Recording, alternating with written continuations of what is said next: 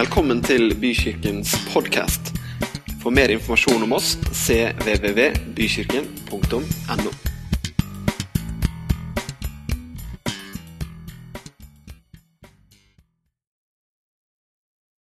Herre, vi takker deg for at du har satt oss fri. Vi takker deg for din frelse som eh, påvirker alle livets områder. Og akkurat nå, Herre, så tar vi det som ligger oss på hjertet. De tingene vi ber om, og så løfter vi de opp til deg en gang til, Herre. Herre, du vet om alle ting. Du er nær i alle situasjoner. Og Derfor så kommer vi framfor deg nå, og så løfter vi det som ligger på våre hjerter, opp til deg, og så ber vi deg, Herre, om at du skal hjelpe oss. Vi ber deg om at du skal frelse. Vi ber deg om at du skal helbrede. Vi ber deg om at du skal gjøre det som ser helt dødt ut, levende. I Jesu mektige navn. Amen. Amen. Du kan få sette deg ned. Tusen takk til eh, dere som står bak meg akkurat nå. Takk til alle dere som er med på å gjøre en gudstjeneste mulig. Takk til de som eh, har vært der tidlig i dag, og, og de som er oppe med barna akkurat nå. Det er bra at vi kan få lov til å være arbeidere i Guds rike.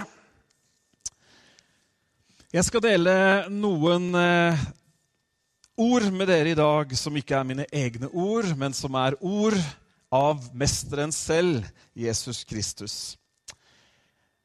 Jeg vet ikke om den tanken har slått deg akkurat nå, for det er muligens litt tidlig, men har noen av dere begynt å forberede våren? Eller tenker dere vi tar jula først? Ja, Anette tar jula først. Er det noen som i det hele tatt har gjort noen forberedelser som skulle eh, tyde hen på at eh, det kommer en vår? Ja, noen har faktisk gjort det. Noen har pakka inn noen krukker, og noen har eh, luka litt her, og noen har sørga for at de eh, vekstene som egentlig ikke klarer å vokse på våre breddegrader, klarer seg osv. Og, så og tro meg, det er ikke lenge før hagesentrene er fulle av utstyr til å drive fram tomater, agurker og alle andre ting. Amen, ja. Det er også et sted å si amen på. Men jeg regner med det var i overført betydning. selvsagt. Nei, men Det er ikke så veldig lenge til hagesentrene er fulle, og det er ikke lenge til bloggene og nettsidene med tips. Og nå er det tid for å så. vet Du Du har ikke fått unna juletreet før du får beskjed om at det er tid for å så. Ja, noen holder seg på ikke-biologiske oljer. Men dere, vi skal lese en tekst i dag som eh, handler om akkurat dette. Og før vi gjør det, så skal dere i dag få et sånt, et sånt lite ark og en penn. De som har lyst på det, så kan dere følge litt med gjennom det vi sier, eller bare ta vare på det som et minne om søndag 12. november. Kan ikke dere i vertskap bare fort gå gjennom salen og så dele ut til de som vil ha? Det finnes penner osv. også. Så kan vi gjøre oss klar du, til å lese denne søndagens tekst. Vi skal snakke om frø, vi skal snakke om hjerter, og vi skal snakke om frukt. Frø, hjerter og frukt. Det høres bra ut, gjør det ikke det? Ja, det er fint. Dette er noen av hovedtemaene i denne boka her. Det er masse snakk om frø, det er masse snakk om hjerter, og det er faktisk også mye snakk om frukt. Og du kan få lov til å slå opp i Bibelen din eh, i eh, Markus evangelium kapittel 4. Hvis du ikke har Bibelen med, så fortvil ikke, for her i huset får vi ofte Skriften på veggen.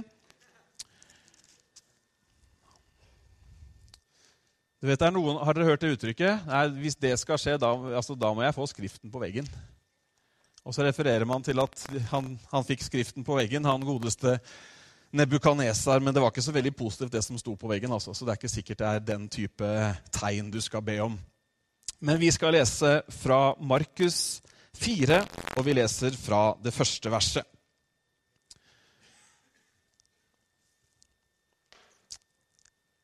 Har alle fått det de trenger?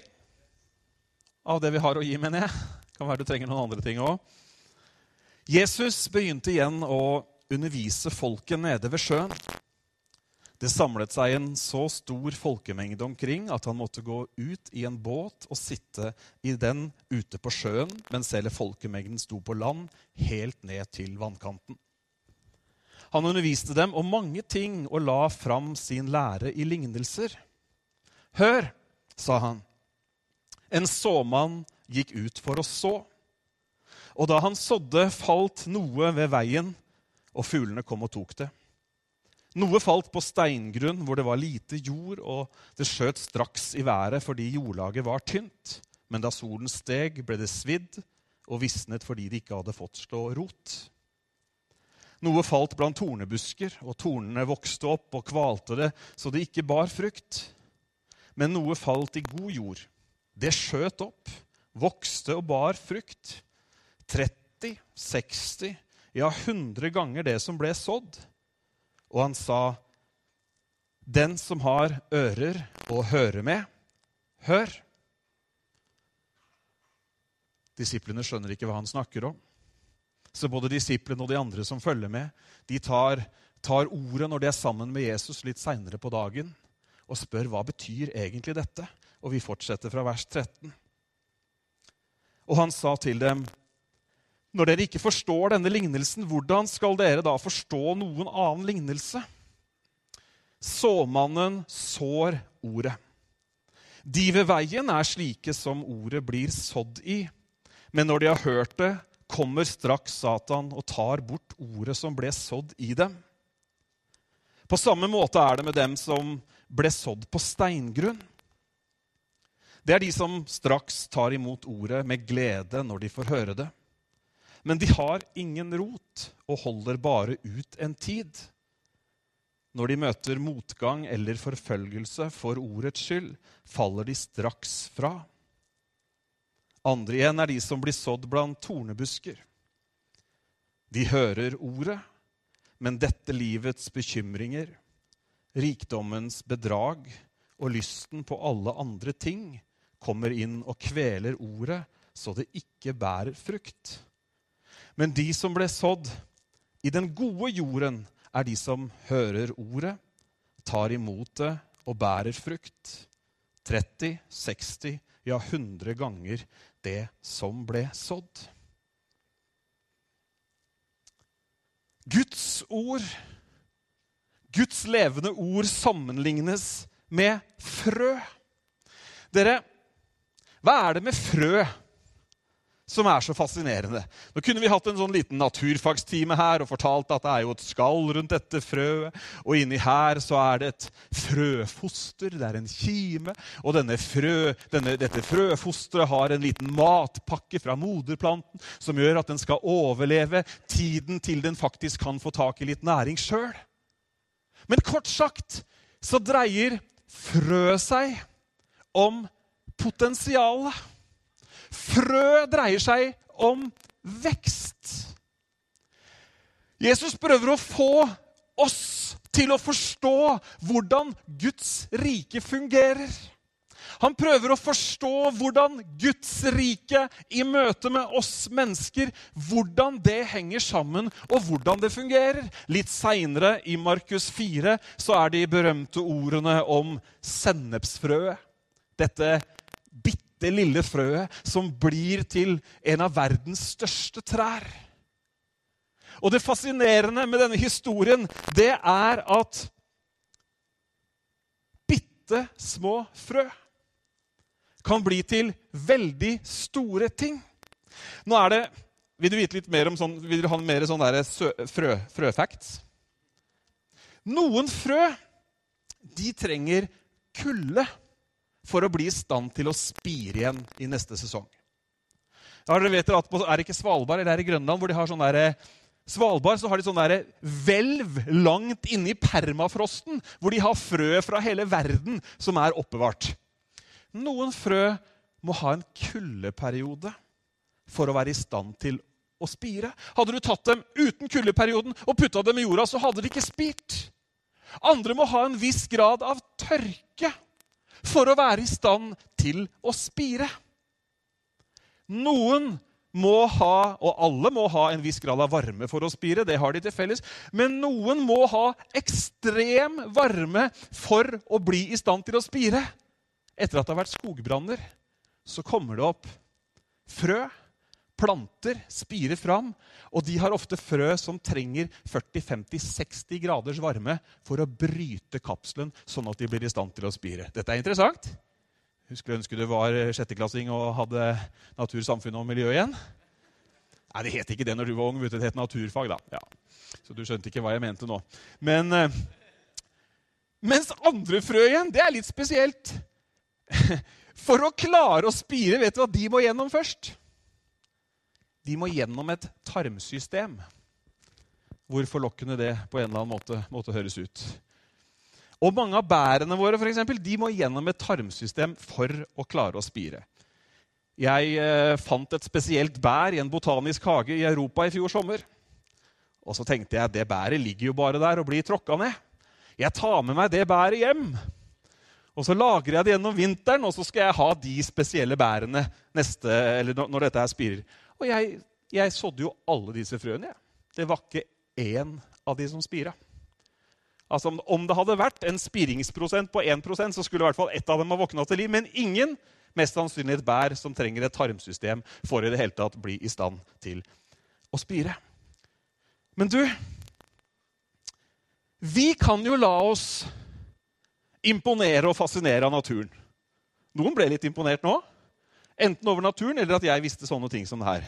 Det trenger du ikke å avgjøre det hele tatt. spiller egentlig ingen rolle. Poenget er bare at vi kan la oss fascinere av naturen og de prinsippene. Og Jesus han bruker ofte naturen for å forklare hvordan Guds rike er. Og så sier han at mine ord, de er som frø. Så sier han det at eh, såmannen Han tar frø, og så sår han. Og han sår tilsynelatende overalt. Noen flere som har noen frø? Ja.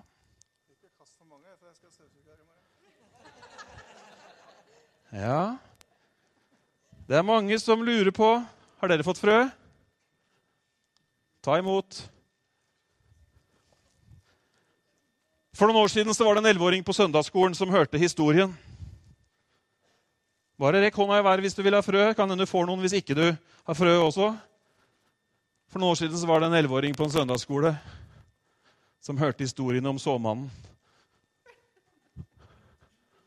Vet du hva han sa for noe? Vet du hva han sa? Det var en teit såmann, sa han. Den elleveåringen visste litt om landbruk og prinsipper for å dyrke jorda. Han hadde skjønt det som Bjarne Henry og andre har skjønt, at man sløser ikke med såkornet, sånn som jeg gjør nå. Han skjønte det. Men du skjønner at denne såmannen, kjære venn, han er raus. Han er veldig raus, Gunnar. Han lar det fare overalt. Nå må vi støvsuge dans, nå kan vi ha det litt mer moro. Har ikke du fått Nina? Du skjønner, Vi er kalde og kalkulerende og tenker nei, han vil ikke høre. Hun vil ikke høre. Dette funker jo ikke. Dette passer ikke. Hør! Såmannen sår. Han sår overalt. Det var litt på veien. Det var ikke noe problem. Det var litt blant tornene. Det gikk bra, det også. Såmannen sår overalt. Og det som kan virke teit for å bruke elleveåringens ord. Det som kan bruke, høres ut som er lite veloverveid. Det som er virker lite logisk.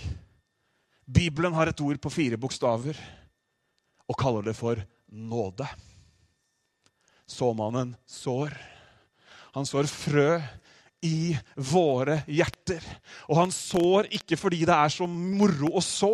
Og han sår ikke bare fordi at ja, nei, vi kan jo alltid slenge ut noen frø. Han sår fordi at han vet at disse frøene har potensialet i seg. Han vet at hvis du tar med denne, dette frøet du har fått av meg hjem i dag, og putter det i jorda, så vet såmannen at dette lille frøet på noen millimeter kan bli en plante på fire-fem meter. Det er kraftfullt. Det er potensialet. Såmannen sår frø. Og dette handler ikke om botanikk. Det handler om deg. Ofte har vi tatt denne lignelsen og så har vi brukt den til å forklare mennesker som ennå ikke har kommet til tro, eller mennesker som kommer til tro, og så blir de borte etter en stund osv. Har du hørt den historien? Ja, mange har hørt den, og det er mye i det også, for all del. Men vet du hva? Det handler om deg og meg. Det handler For såmannen tenker nemlig her er det potensialet. I meg? Ja, i deg så tenker han at det er potensial. Tenk på alt det som er sådd inn i deg. Nå kan vi lukke øynene og ta sånn tidsreise bakover. Tenk så alt som er sådd av Guds levende ord, av frø fra såmannen, inn i ditt liv. Noen tenker umiddelbart på en søndagsskolelærer eller en bestefar eller en nabo.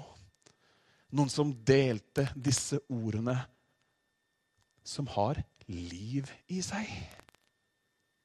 Frøene har liv i seg. Og såmannen, han fortsetter å så. Alle skal få muligheten. Han er raus. Han er ikke veldig økonomisk. Nåden er ikke økonomisk.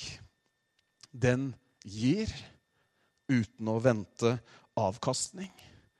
Og den tar imot uten å kreve betaling. Frøene er livsforvandlende. De er kraftfulle. Det er derfor vi leser boka. Det er derfor vi deler Guds ord. Fordi at disse frøene de har kraft i seg til å forvandle livene helt. De lever, og de gir frukt.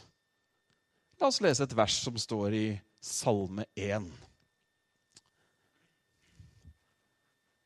Salig er den mann som ikke følger lovløses råd ikke går på synderes vei og ikke sitter i spotteres sete, men har sin glede i Herrens lov, eller Herrens ord, har sin glede i frøene, om du vil, og grunner på Hans lov dag og natt.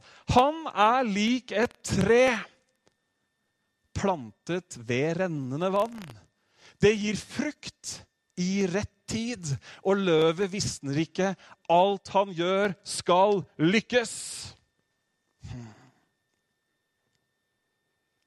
Vi leser i denne historien at såmannen sår, og han sår overalt. Bokstavelig talt så havner frøko, frøene, kornene, de havner på mange steder. Ved veien, på tynt jordsmonn, på steingrunn, altså, blant torner og i god jord. Men dere, dette er ikke en leksjon i dårlig jordbruk i gamle dager. Jordsmonnene som beskrives, handler om hjertene våre. Jordsmonnene som Jesus snakker om her, dreier seg ikke om hvordan du skal få til en avling i, på tørr og karrig jord i Midtøsten. Men det dreier seg om hvordan ordene kan få frukt, skape resultater i våre liv.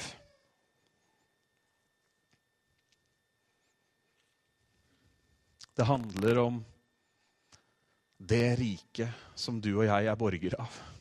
Det handler om den troen vi har. Det handler om det som vi tilhører. Det handler om oss.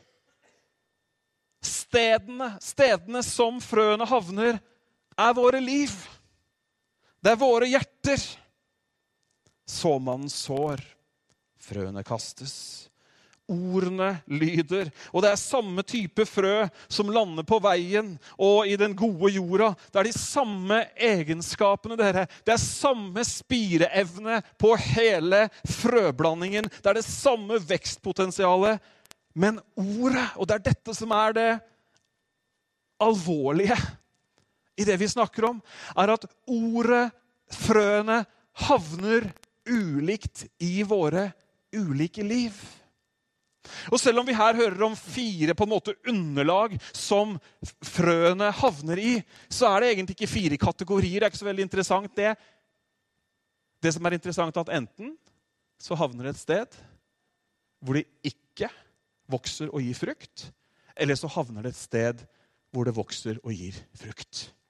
Skal vi se litt på disse forskjellige jordsmonnene som Jesus snakker om? På veien. Det står at noe av frøene havna på veien, og straks kom fuglene og tok det. Og når Jesus forklarer lignelsen, så sier han at det var fienden vår, det var djevelen, som kom og tok det med en eneste gang. Det rakk ikke engang å få synke inn før det var borte. Det er en som stjeler, og Bibelen er veldig tydelig på at han stjeler. Det står at eh, djevelen har kommet for å stjele, myrde og ødelegge. Det er sånn at hvis han kan klare å holde ordet borte fra oss, så har han nådd det viktigste punktet. Hvis han kan klare å nå, klare å snappe det, akkurat som fugler snapper frøene så Hvis han kan klare å gjøre det, da er han fornøyd. Han, for å gjøre det veldig konkret Hvis han kan hindre deg og meg å i det hele tatt åpne boka Hvis han kan hindre deg og meg å i det hele tatt delta på gudstjeneste, ungdomsmøte, lifegruppe, kirkelig aktivitet, kall det hva du vil, da er det helt supert. For da er det akkurat som om frøene de sås jo. Hvorfor? Jo, fordi såmannen sår. Men hvis han kan lykkes med å holde det borte fra oss, da er det jo garantert ingen frykt. Du kan jo ha en bøtte med jord, og, så, og, og inntil noe puttes oppi, så blir det ingenting. Ikke sant? Det er veldig dypt, det her. Det er ikke vanskelig å forstå, men det er allikevel en hemmelighet som ikke alle har forstått. og Derfor så tar jo Jesus disiplene til side og så forklarer han dette. Og så sier han at dette er viktig at dere forstår. Når bibelforskerne ser på denne teksten, så sier de at å forstå denne teksten danner grunnlag for å forstå veldig mye av det Jesus sier. Derfor så er jeg litt ivrig, derfor så er jeg litt nidkjær. Derfor så tenker jeg at dette er viktig at vi snakker om. Er du med? Vi må snakke om dette, for dette handler om oss. For såmannen sår. Guds ord holdes ikke tilbake. Han har gitt oss testamentet. Det er klart, det er tydelig, det er gitt oss. Løftene er gitt oss, ordet er gitt oss. Men noen ganger så får vi ikke engang hørt det før fienden har tatt det bort. Og det er litt alvorlig. Det er litt alvorlig av hensyn til endemålet vårt, av hensyn til hvorfor vi er til. Ja, men jeg er jo frelst. Gode venn, målet med ditt liv er ikke at du skal bli frelst. Målet med ditt liv er at du skal bære frukt. Hele prinsippet i Guds rike er vekst. Derfor sammenlignes Guds rike med såmannen som sår. Noe falt på veien. Et annet sted i Bibelen så sies det samme. Det står Husker ikke hvor det er, og det kan du slå opp i bibelordboka. Men det står at ordet ble dem til ingen nytte. Fordi det ikke smeltet sammen med troen i hjertet sagt med samme lignelsesspråk. Frøene skapte ingenting, for de kom ikke i jorda. Og da blir det bare frø. Og frø på veien, det kan egentlig bare brukes til én ting. Mat for fuglene som kommer og stjeler det. Så mannen sår. Men de gode nyhetene, dere For det er gode nyheter. Det er at til og med når et hjerte er hardt som, en, som nedtrampa jord Til og med når hjertet er hardt som asfalt Og dere, dette er litt vanskelig. dette kan være litt vondt også, for noen ganger så går vi gjennom ting i livene våre som gjør at hjertet blir hardt. Ikke sant? Noen ganger så opplever vi svik, vi opplever tragedier. Vi opplever, altså vi, vi kunne hatt en lang liste så lang som et vondt år, men noen ganger så treffer ting i livet oss på en sånn måte at hjertet vårt blir hardt. Og et hardt hjerte sier 'det nytter ikke likevel'. Ikke sant? Det preller jo bare av. Hvis dette her er et hardt hjerte, så spretter det jo bare unna. Ikke sant? Men de gode nyhetene, det er at Gud sier i sitt ord at selv om hjertene våre er harde som stein Da snakker vi hardere enn den veien som Jesus til og med snakka om her.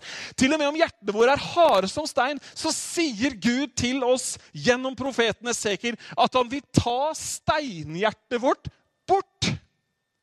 Og så vil han gi oss et mykt hjerte av kjøtt. Og det sier meg noe. Det sier meg veldig klart at evangeliet er at om du vender deg mot himmelens Gud med ditt harde hjerte, med dine opplevelser, med det som har truffet deg, så er han i stand til å gjøre hjertet mykt igjen, sånn at du kan ta imot frøene, sånn at de kan spire. Er ikke det fantastisk? Så det er håp da for deg som er så veien. Sier ikke at det er noen som er like harde som veien, men poenget er at noen ganger skal vi til og med være det nesten uten at vi tenker over det. Jeg snakker med mennesker som Du skjønner når du snakker med dem, at egentlig så har den veien de går på, blitt tråkka på så mange ganger at det er så hardt at det er helt umulig for frøet å finne fotfeste. Hm. Han er den som vender kongers hjerter. Et bilde på harde hjerter. Han er den som vender kongers hjerter som om de var en vannbekk. Hmm. Han kan gjøre hjertet ditt mykt. Noe falt på steingrunn. Fjell, stein med litt grann jord oppå. står ikke her noe om hvor lenge disse frøene klarte seg, men de klarte seg tydeligvis en tid. Og det er også tydelig at de ikke ga frukt. At ikke de ga resultater. Det er tydelig ut fra her. Og Noen ganger vet du, så kan vi, noen ganger kan hjertene våre være sånne som Å, så begeistra vi blei! Dette er bra, dere! Å, det kom, det kom, det kom et menneske inn her på et møte vi hadde for en eh, par år siden. Og hun var over seg over hvor fint det var å være i bykirken. Det var ikke måte på. Det, det, altså, det, det, var noen for å bruke bildet her, det var noen ord som traff henne, og dette var fantastisk. Og jeg, jeg, kommer til å komme hver uke, og jeg vil bidra, og jeg vil bygge. med andre ord, Jeg vil være med på å sørge for at det blir frukt osv. Jeg har ikke sett henne siden. Jeg har ikke det. Jeg håper at hun har bevart troen, hun har ikke kommet til tro her osv. Men det sier noe om hvordan vi som mennesker da, kan være så ja, men så bra! Dette er fint! Og dere, Vi kunne jo skape noen gudstjenester og et barnearbeid og en kirke hvor det var happy-clappy, og vi har det kjempebra akkurat nå! Som en sånn stor, oppblåst ballong.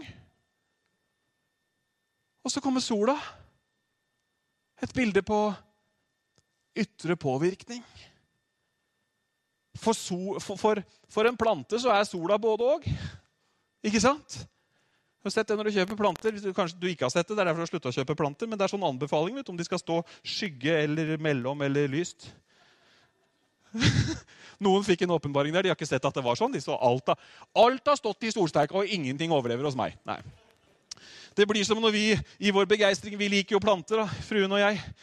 Og det hender jo at eh, man kjøper planter før man har tenkt om man har jord. Eller om man i det hele tatt har et sted å ha dem. Og Et par ganger så har de blitt stående i de der fine papirposene fra gartneriet sånn ved siden av trappa, og der er det god vestsol, kan du si. Kunne sikkert ha blitt frukt på noen av dem, men de endte i komposten. Ja Hun drar på det her, vet du. Men dere, noen ganger så tar menneskehjerter Så tar ditt og mitt hjerte Vi tar det imot med glede. Og vi er begeistra. Og så kommer motstanden. Og motstand er ikke farlig, men motstand er farlig når det ikke finnes røtter.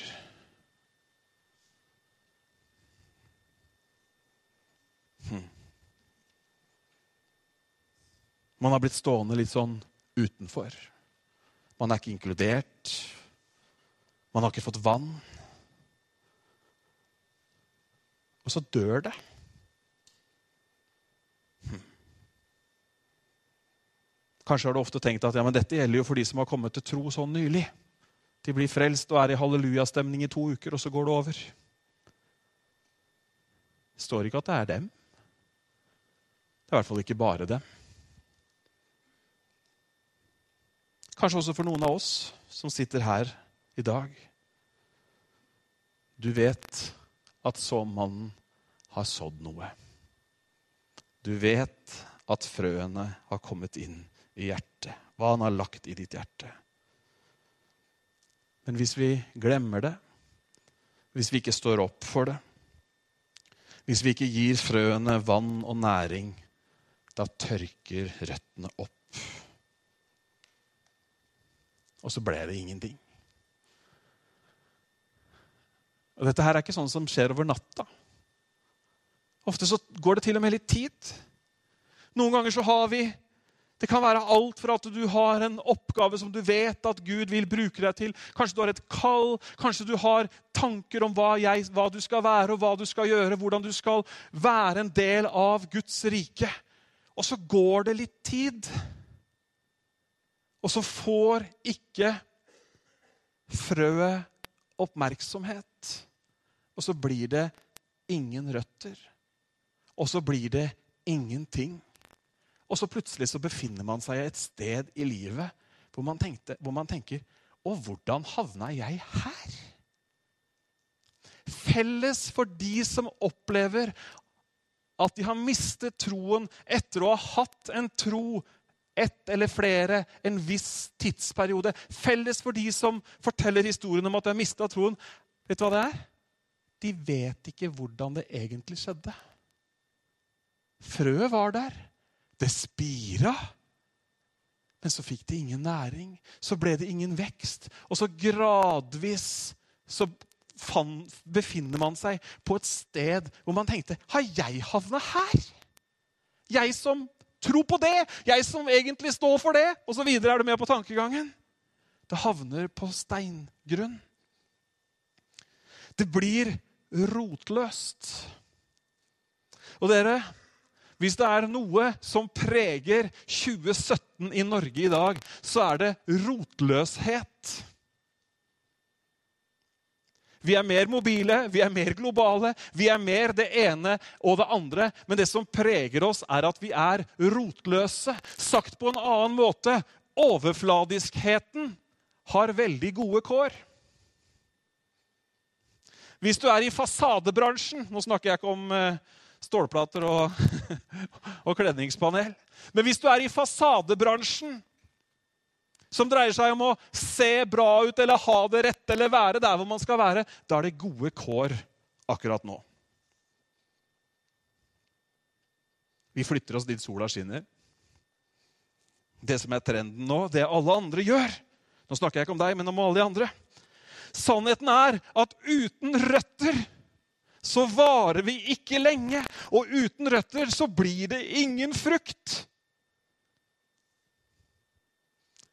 Men han, såmannen, han vet at det finnes potensial i deg. Han vet at det han sår, det kan, få, eh, det kan få forhold som gjør at man blir stående. Paulus sier det mange steder i brevene sine. Han ber for de troende, han underviser dem, og så sier han for at dere skal bli stående. grunnfestet og rotfestet. Og ikke bli liksom kasta alle mulige veier. Henger du med så langt? Det er bra? Guds ord er fantastisk. vet du. Steingrunn. Hm.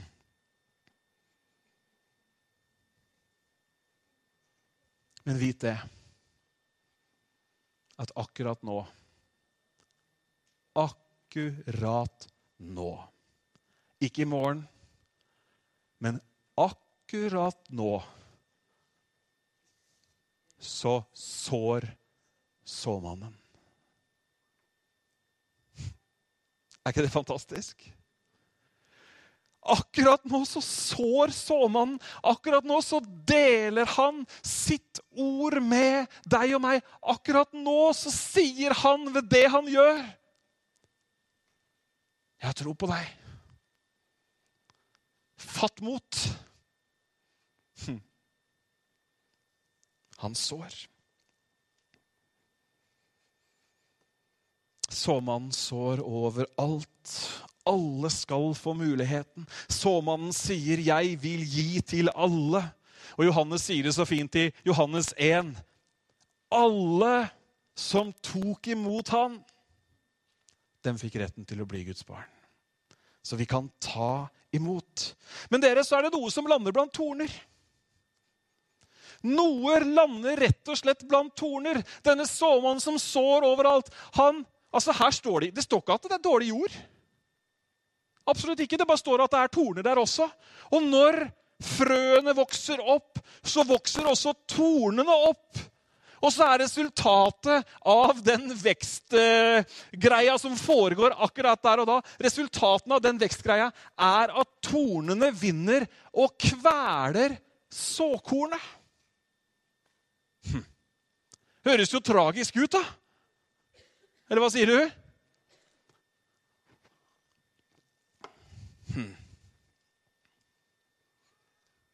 Hva handler det om? Hva handler det om at frø torner? To ting på samme område. To ting på samme arena. Og Så går Jesus inn og så sier han hva tornene representerer i menneskehjertet. Hva tornene representerer i våre liv som mennesker. Og Han nevner tre ting.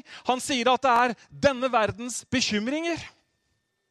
Det er en sånn potensiell vekst som kan komme inn og kvele for det ordet som han har sådd.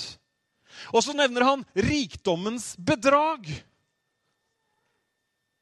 Det trenger vi kanskje ikke å gå så veldig langt inn i, men det skjønner vi jo hva er. Men det er tydelig at det finnes et bedrag med rikdom. Nå er ikke rikdom i seg selv noe feil, men rikdom kan ta så stor plass, eller jaget på rikdom kan ta så stor plass at det faktisk kveler troslivet. Og så har han en sånn samlekategori, og det er jo helt genialt, egentlig, for han sier 'og lysten til alle andre ting'. det, hørte, det syns jeg virkelig det synes jeg virkelig høres ut som, som, noe som treffer menneskeheten i 2017. For hvis det er én ting som preger denne generasjonen, den tiden vi lever i, så er det at vi har jo et hav av valgmuligheter. Vet du hva, Jeg er sjeleglad for at ikke jeg skal velge videregående jeg nå. For ikke å snakke om studieretning. For det var liksom ikke Re eller Re videregående eller Tønsberg gymnas. Eh, det, det, var liksom framtidsutsiktene da jeg var ung. Nå er det liksom all over the world. Liksom, skal du ta det i Australia, eller skal du gjøre det i Spania? Kan da begge deler. Det er én ting. At vi har mange, valgmuligheter på utdanningsnivå. Men vi har valg, mange valgmuligheter på mange andre ting. Og valgmuligheter er bra, men valgmuligheter kan også være fristelser. Det kan danne en lyst til å gjøre alt mulig annet, som Bibelen sier. Det er dumt at jeg snakker om sånne ting i kirka. Ja, Det kan du egentlig mene akkurat hva du vil om, fordi at det er Jesus sine egne ord. Og jeg ønsker at vi skal bygge en kirke i dag med mennesker, med troende, som gjør plass i hjertet sitt, sånn at det livgivende ordet kan spire og gro, og sånn at det kan bli frukt, folkens. Hæ? Vi kommer tilbake til frukt. Det er siste punktet på, på arket. Det, så du ikke, jeg skal ikke hoppe over det i det hele tatt. Men poenget er dere at vi må, vi må snakke ærlig. Hvis Jesus snakker om at det finnes torner på arenaen, så kan ikke vi la være å snakke om det. Det gode med torner, vet du hva det er? De lar seg fjerne. Og du vet, Det denne prekenen i bunn og grunn handler om Nå er vi jo inne på frø og torner og spiring og alt. Du kjenner vel omtrent at uh, den dårlige samvittigheten for drivhuset som lå i brakk i fjor, melder seg. Men vet du hva dette i bunn og grunn handler om? Det handler om at du og jeg er til stede i vår egen hage i livet vårt. Hallo? Det er det dette handler om. At vi er til stede i vår egen hage. At vi ser hva som vokser, at vi ser hva som ikke vokser, og at vi tar noen grep som gjør at veksten kan komme og frukten kan bugne. Ikke sant? Og Noen ganger så må man jo ha på seg hansker når man gjør noen grep, og noen ganger så må man gjøre det ene og det andre. Men poenget er at det finnes torner. Og poenget er, dere Det store, viktige, er det som det står her. Det står at tornene kommer og kveler ordet. Hm. Det blir ingen frukt. Livskraften suges ut av kristenlivet. Hm. I Lukas 9, 23 så står det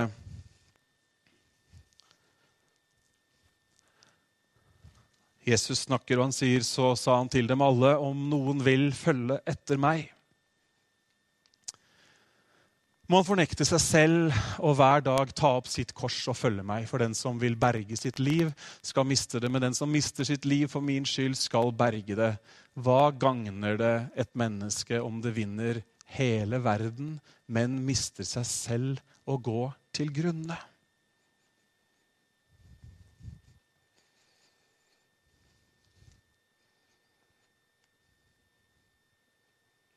Det er ikke det at det nødvendigvis er noe feil med alle ting man kan ha lyst på. Men alle ting man har lyst på, alle ting man jager etter, kan ta verdifull plass. Hvor mange av dere har hørt om retreatbevegelsens retreat-bevegelsens far Edin Løvaas? Mange har hørt om han. Jeg har hatt gleden av å møte han noen ganger. Og jeg har lyst til å lese et sitat fra han. Han sier som følger jeg har stor sans for dagens unge. Når jeg har dem i tale, utfordrer jeg dem. La dere ikke fange av deres foreldres småborgerlighet. Foreldregenerasjonen er blitt så opptatt av penger og eget velvære at ikke de får tid til å ta, ta seg av andre eller formidle troen. Denne småborgerligheten, sier Edin Løvaas, er proppen i flaska i kirken i dag. Og så sier han noe trist. Og jeg tror ikke de voksne makter å komme seg løs. Derfor håper jeg på de unge.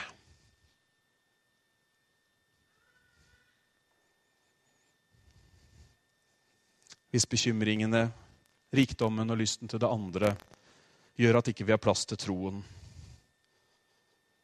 hva er det da verdt? Hvis jobbing dag og natt gjør at vi verken har tid til å dele troen med barna våre eller prate med tenåringen eller bry oss med naboen. Da blir resultatet av at troen kveles. Tro, men det, det, som er bra, er at torner de kan fjernes. Og dere, la oss prioritere det som gjør at alt det andre blir gitt oss i tillegg. frukt. Det bar frukt.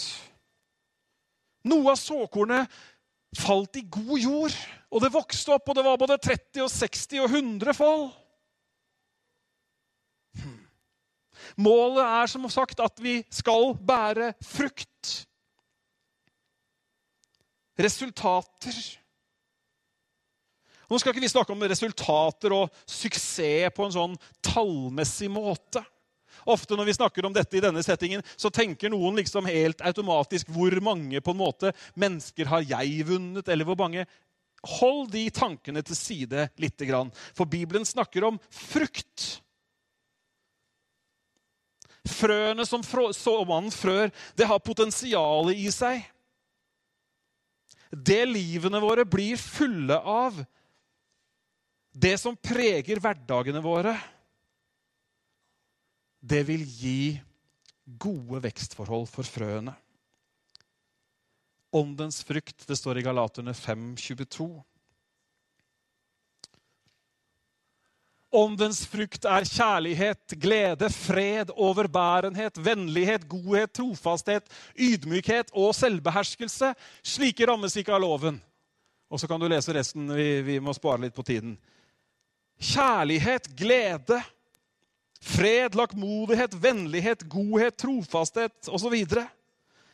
Dette er resultatet, dere, når ordet får gode vekstforhold i oss. Hm.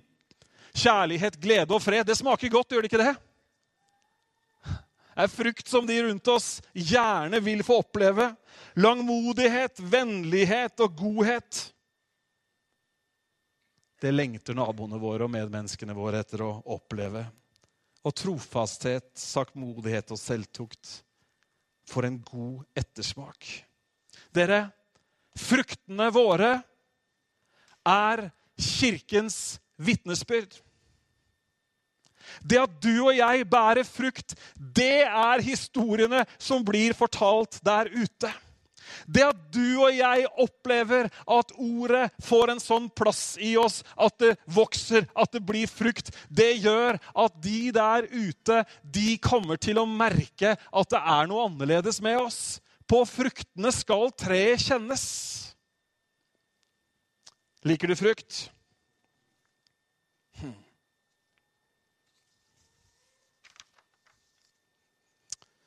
Hva skal vi gjøre nå, da? Jesus sier noe i vers 9. Det er midt i her. Før han begynner på forklaringen, så sier han Den som har ører å høre med, han må høre.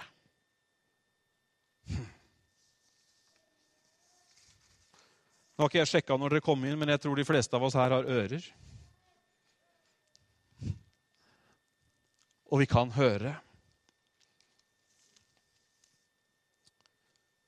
Men det er noe med det når vi har hørt noe, å ta ansvaret for livet vårt. Ta ansvaret for å gjøre noe. Har man ører, med andre ord, så har man en kapasitet, man har en mulighet. Man hører, og man har et ansvar for å bruke det man har hørt. Vet du hva? Ofte så hører vi og så overfører vi det vi hører, til andre. Ta med deg den neste gang du har en eller annen sånn kristenreligiøs prat med en eller annen om hvordan ting burde ha vært. Det er så lett at vi havner i den greia hvor vi, hvor vi forteller hva noen andre burde ha gjort. Jeg har vært der. Har du vært? Vi, vi gjør, det er merkelig, vi er så gode til å snakke om saken i lys av noen andres betydning av å få gjort noe med dette her. Men Jesus sier 'den som har ører, han hører'. Ikke den som har øre, han forteller det til de andre. Ta ansvar for å gjøre noe med det. Hm. Det er noe litt rart med dette her. fordi at uh, ofte så skal gå inn for landing, men ofte så blander vi lite grann. Det er nemlig sånn at vi tenker at Nei, bare, bare, det, bare, det, altså det frøet er der, så gjør Gud resten. Ikke sant? Det, det, er fort gjort å tenke, og vi tenker ofte at ja, men det er sånn det er. Det finner du ikke et eneste sted i Bibelen.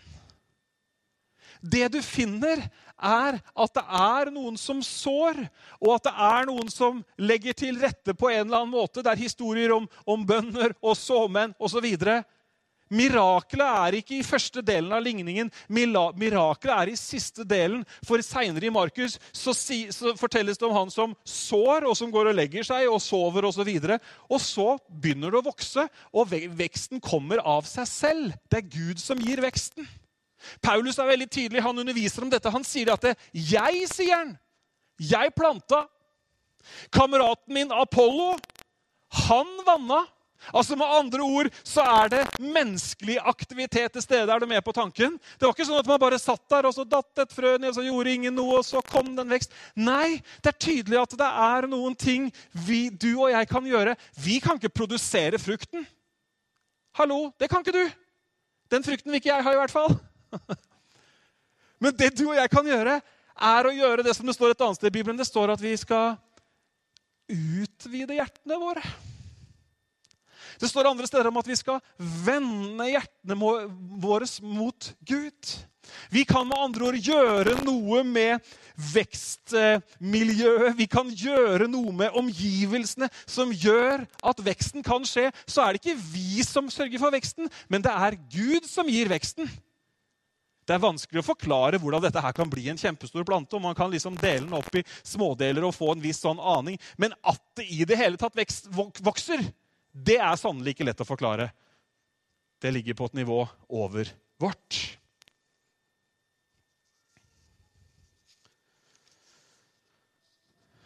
Kjære dere, jeg har en, eh, et ønske om at At vi skal vanne det såkornet som er sådd ved bønnene våre.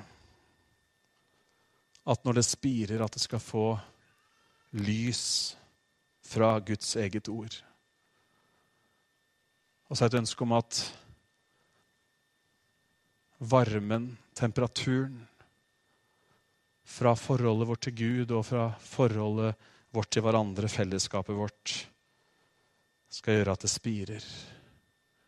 Og at vi skal la såkornet få næring ved å gi det fokus og tid. Dersom noe får oppmerksomheten vår, da vokser det og tar sin plass. Vi skal be sammen. Og så har jeg lyst til å be deg om å ta med deg spørsmålet nederst på arket inn i uka som ligger foran inn i bibellesningen din, inn i dine stille stunder. Hvordan kan jeg skape gode vekstforhold i mitt hjerte? Skal vi reise oss opp og be sammen?